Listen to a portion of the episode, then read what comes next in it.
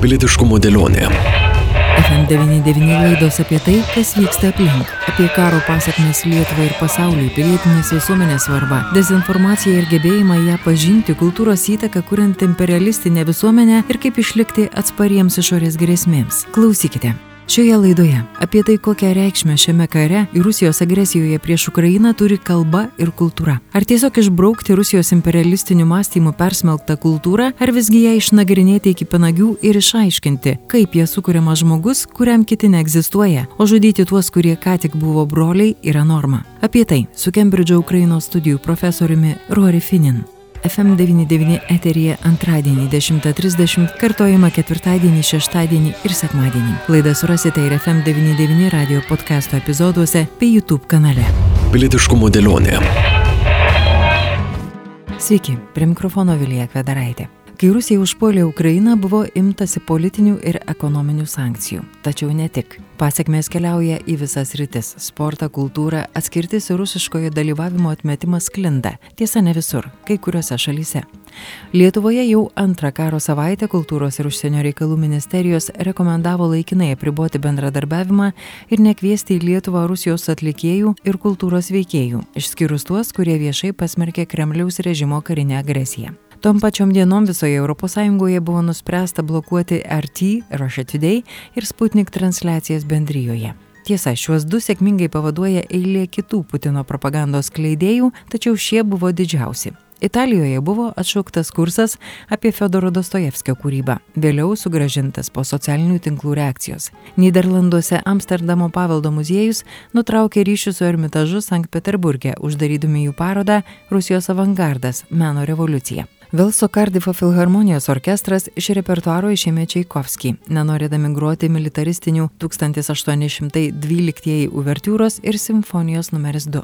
Kai kurie rusai menininkai patys pasitraukė, pavyzdžiui, iš Venecijos bienalės Rusijos paviljono, pareikšdami, kad ten nėra vietos menui, kol ukrainiečiai slėptuvėse, o rusai neprotestuoja. Tačiau netyla ir diskusijos, ar tai teisinga. Apskritai, kokią reikšmę šiame kare ir Rusijos agresijoje turi kultūra, kalba ir ką reiškia tai, kad dažnas ukrainietis kalba tą pačią kalbą kaip ir juos išnaikinti pasiryžusi valstybė. Ar bendra ir suprantama kalba padeda sėti dezinformacijos ir propagandos sėklas ir kitur, kur rusų kalba suprantama, įskaitant Lietuvą. Ar tiesiog išbraukti Rusijos imperialistinių mąstymų persmelktą kultūrą, ar visgi ją išnagrinėti iki panagių ir išsiaiškinti, kas joje ne taip, kad sukūriamas žmogus, kuriam kiti tiesiog neegzistuoja. Ir net jie patys neegzistuoja. Nes motinoms nebesvarbu sūnus, žmonoms vyrai, o supratimas, kad žudyti tuos, kurie ką tik buvo broliai, yra norma. Ir ką reiškia žodžiai tokioje situacijoje? Terminologija. Kiek svarbu, kad karas ir agresija būtų vadinami savais pačiais tikriausiais vardais. Apie tai kalbame su Kembridžo universiteto Ukrainos studijų profesoriumi dr. Rory Finin. Jis 2008 metais Kembridže įkūrė ukrainistikos studijas. Pagrindinis Rory Finin tyrinėjimo objektas - literatūros ir nacionalinės tapatybės sąveika Ukrainoje. Jis taip pat studijuoja sovietų rusų disidentinę literatūrą, turkų nacionalistinę bei Krymo totorių literatūrą. Kaip kultūra dalyvauja dezinformacijoje? Kalba taip pat kultūros dalis, būdas ją skleisti, bet kultūra Lietuvoje taip pat daug diskutuojama, ar turim cancelinti rusų kultūrą apskritai, ar turėtume išbraukti Tolstojų, Puškiną ar kitus, koks jūsų manimo būtų teisingas sprendimas? I myself. Um, I, at an emotional, personal level, have so much anger and rage about this war of aggression Man pačiam tai labai sudėtinga. Emocinėme, asmeninėme lygmenyje aš jaučiu tiek daug pykčio įniršio dėl karo Ukrainoje ir tokios agresijos iš Rusijos federacijos prieš Ukrainą, kad man sunku kalbėti rusiškai, girdėti rusų kalbą. Neseniai skaitydamas pranešimą turėjau ištarti Puškinas ir man tai buvo labai sunku dėl šio karo. Bet tada turiu savo priminti, kad kalbos nesineša ginklų, kultūros nesukelia karo. Ir dabar mums reikia intelektualiai išpakuoti visą šią kultūrinę medžiagą ir padaryti tai, ko nedarėm anksčiau, bet kas turi būti būtinai padaryta. Išnagrinėti tas imperialistinės nuotaikas Dostojevskio, Puškino, Tolstojaus kūryboje stoti į akistatą su ja ir susijęti su šiuo karu.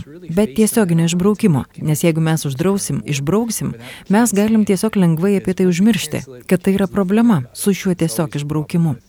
Tai kai kuriais aspektais palengvina gyvenimą, kai tuo tarpu intelektinė prasme mes turime jį sunkinti. Tad sakyčiau, tai mano atsakas. Bet jis ateina pirmiausiai supratus savo emocinį ir asmeninį pyktį. Ir emocijas apie aukštąją rusų kultūrą, kuri išstumė tiek daug kitų kultūrų vakaruose ir tokiose šalyse kaip Junktinė karalystė, kur aš dirbu. Ir aš jaučiu, kad mes turime susidurti, stoti akistaton su ta istorija, bet ne ją tiesiog išbraukti nes daug sunkesnis darbas yra suprasti, kaip šie darbai, ši kūryba prisidėjo prie Rusijos imperinės galios, bet tuo pačiu ir pakurstė rezistencinius judėjimus rusiškame liberalizme. Nors rusiškasis liberalizmas vis dar turi problemų su imperiniu šovinizmu, ypač nukreiptų į ukrainiečius. Žinomas posakis, kad rusų liberalizmas baigėsi, kai iškyla Ukrainos klausimas. Manau, tai vis dar tiesa. Ir mūsų srityje, slavistikos studijose, Junktinėje karalystėje ir Junktinėse valstijose, aš nemanau, kad mes esame tai visiškai įsisamoninę. Tad negalim šių darbų išbraukti, nes mums reikia su jais susidurti ir su tuo jų prieštaringumu ir dviprasmiškas emocijas keliančių vaidmenių, kurį jie turėjo istorijoje. I think that's still true. Um, and in our field, in Slavic studies in Great Britain and the United States, I don't think we've faced that head on. So um, we can't cancel these works because we still need to confront them and the ambivalent role that they've had in history. O kaip yra su rusų kalba? Tiesą sakant, tai ir būdas bendrauti su ukrainiečiais. Dauguma nekalba angliškai arba pakankamai gerai angliškai, kad galėtų išreikšti save savo emocijas. Rusiškai kalbėti, žinoma, nenori. Tačiau rusų kalbos negalim išvengti ir dėl komunikacijos su ukrainiečiais. Ir Lietuvoje, kai girdim rusų kalbą, žinom, kad greičiausiai tai bus ukrainiečiai.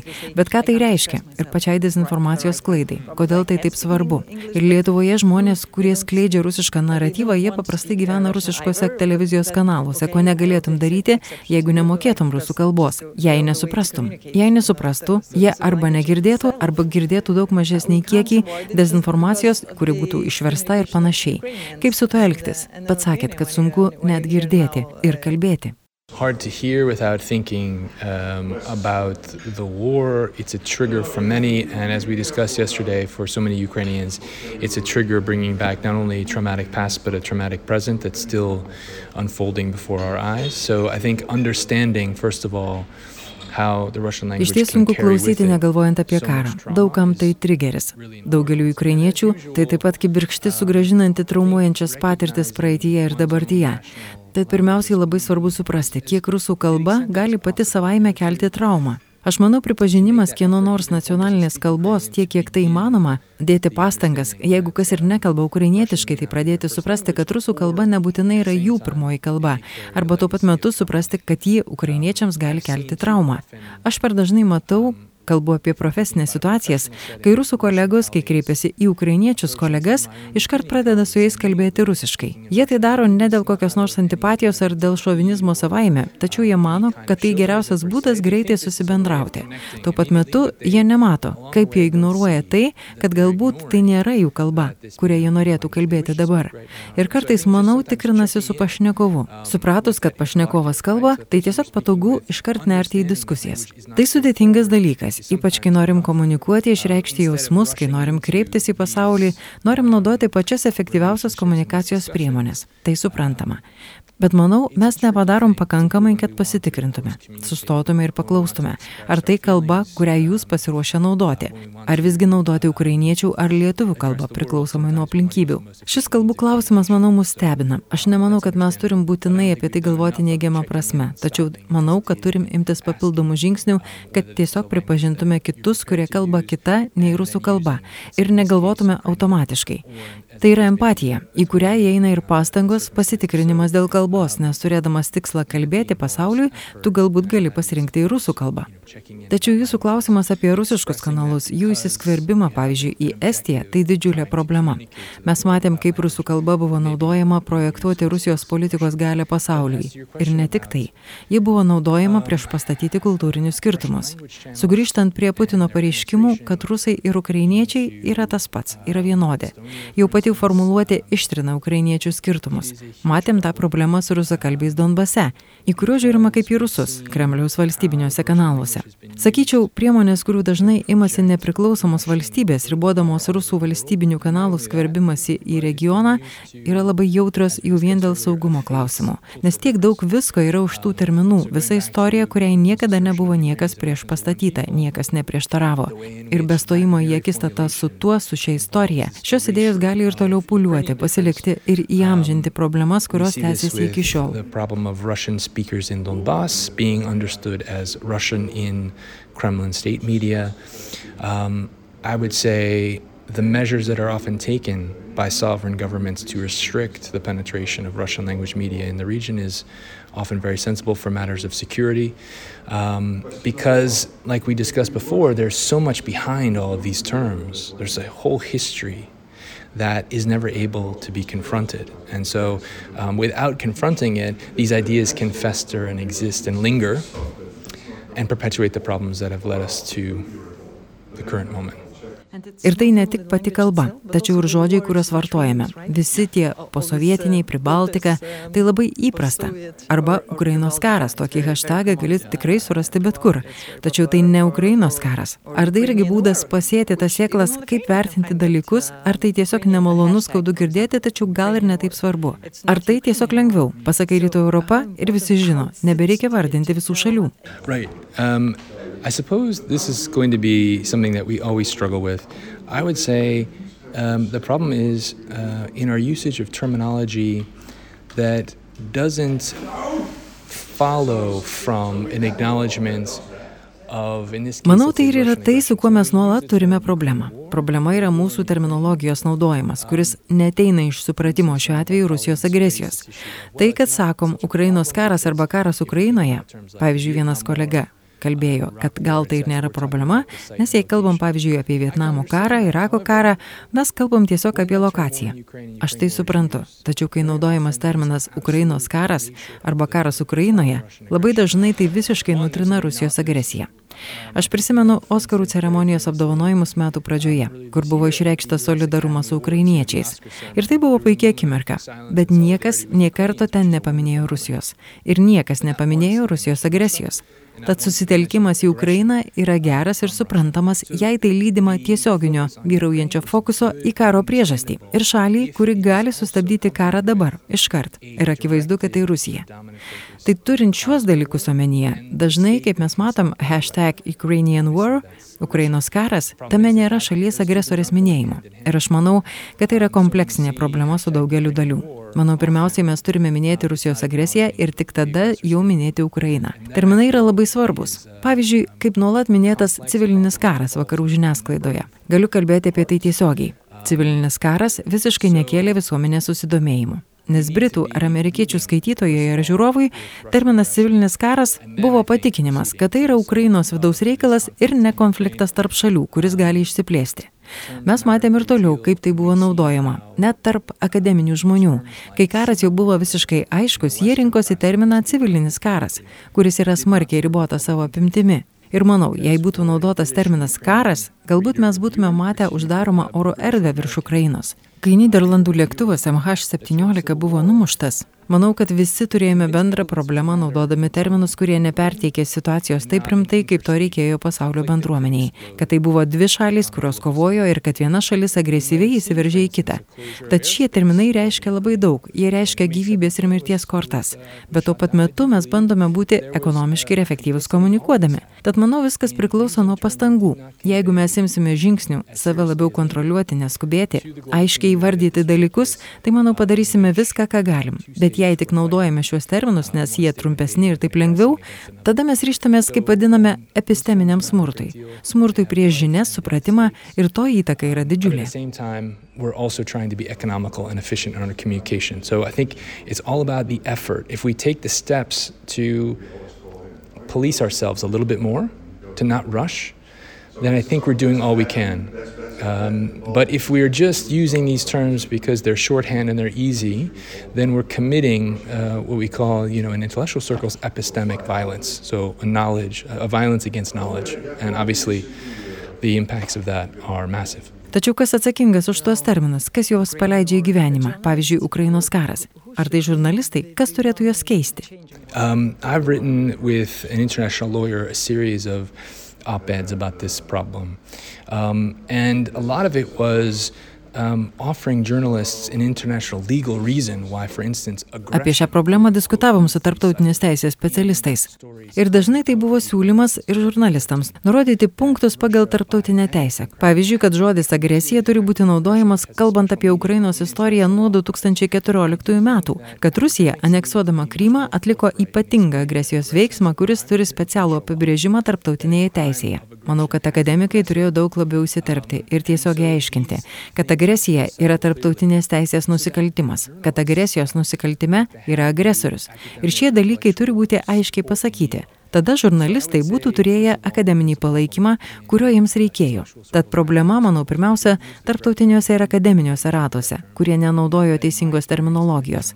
Jie tiesiog negalvojo apie tai. Ir remiantis mano patirtimi, dažnai tai vedė prie to, kad žurnalistai tiksliai nežinojo, ką pasakyti ir kaip tai įvardyti. Tačiau dabar po daugelio mėnesių šios pilnos apimties įsiveržimo į Ukrainą, dauguma mūsų tai pareiškia labai aiškiai - apie agresiją, genocidą, kuris turi būti absoliučiai aiškiai įvardintas, nes Rusijos valstybė ir valstybiniai informaciniai kanalai nuolatos kalba apie ketinimus sunaikinti ukrainiečius ir Ukrainos tautinę kultūrą, nušluoti Ukrainą nuo žemėlapio. Niekada istorijoje dar neturėjome tokių įrodymų ketinimo sunaikinti visiškai ar dalį žmonių.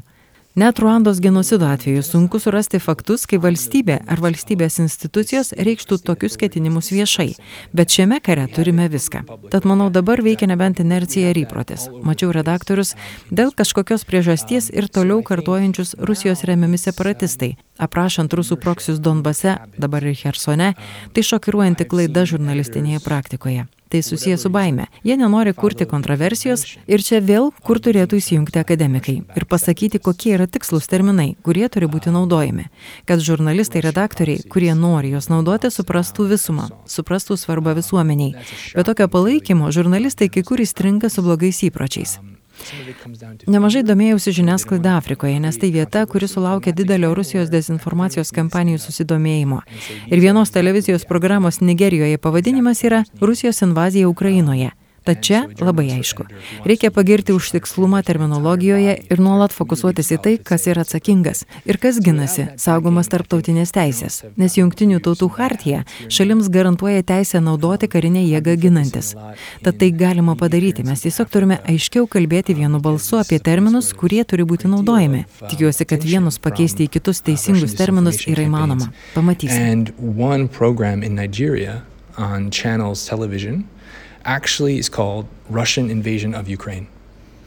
Um, so they're very clear, and um, they're to be commended by being very clear in their terminology and always focusing on who's responsible for this and who's defending themselves, um, protected by international law, because the UN Charter obviously grants that states need to use military force in self defense. So um, it can be done. Um, we just need to speak more clearly with one voice about the terms that are needed. Um, hopefully, you know, a setting like this one, an exchange like this one, can make that more possible. We'll see. Su Kembridžo universiteto Ukrainos studijų profesoriumi dr. Rory Finin kalbėjome Estijoje. Tarptautinio gynybos ir saugumo centro surinktame seminare apie informacijos suirutę politikoje žiniasklaidoje ir istoriniuose prisiminimuose. Profesorių kalbino Vilija Kvedaraitė. Pilietiškumo dėlionė. FM99 laidos apie tai, kas vyksta aplink, apie karo pasiekmes Lietuvai ir pasauliui, pilietinės visuomenės svarbą, dezinformaciją ir gebėjimą ją pažinti, kultūros įtaką, kuriant imperialistinę visuomenę ir kaip išlikti atspariems išorės grėsmėms. Klausykite, FM99 eterija antradienį 10.30, kartojama ketvirtadienį, šeštadienį ir sekmadienį. Laidą surasite ir FM99 radio podcast'o epizoduose bei YouTube kanale. Pilietiškumo dėlionė.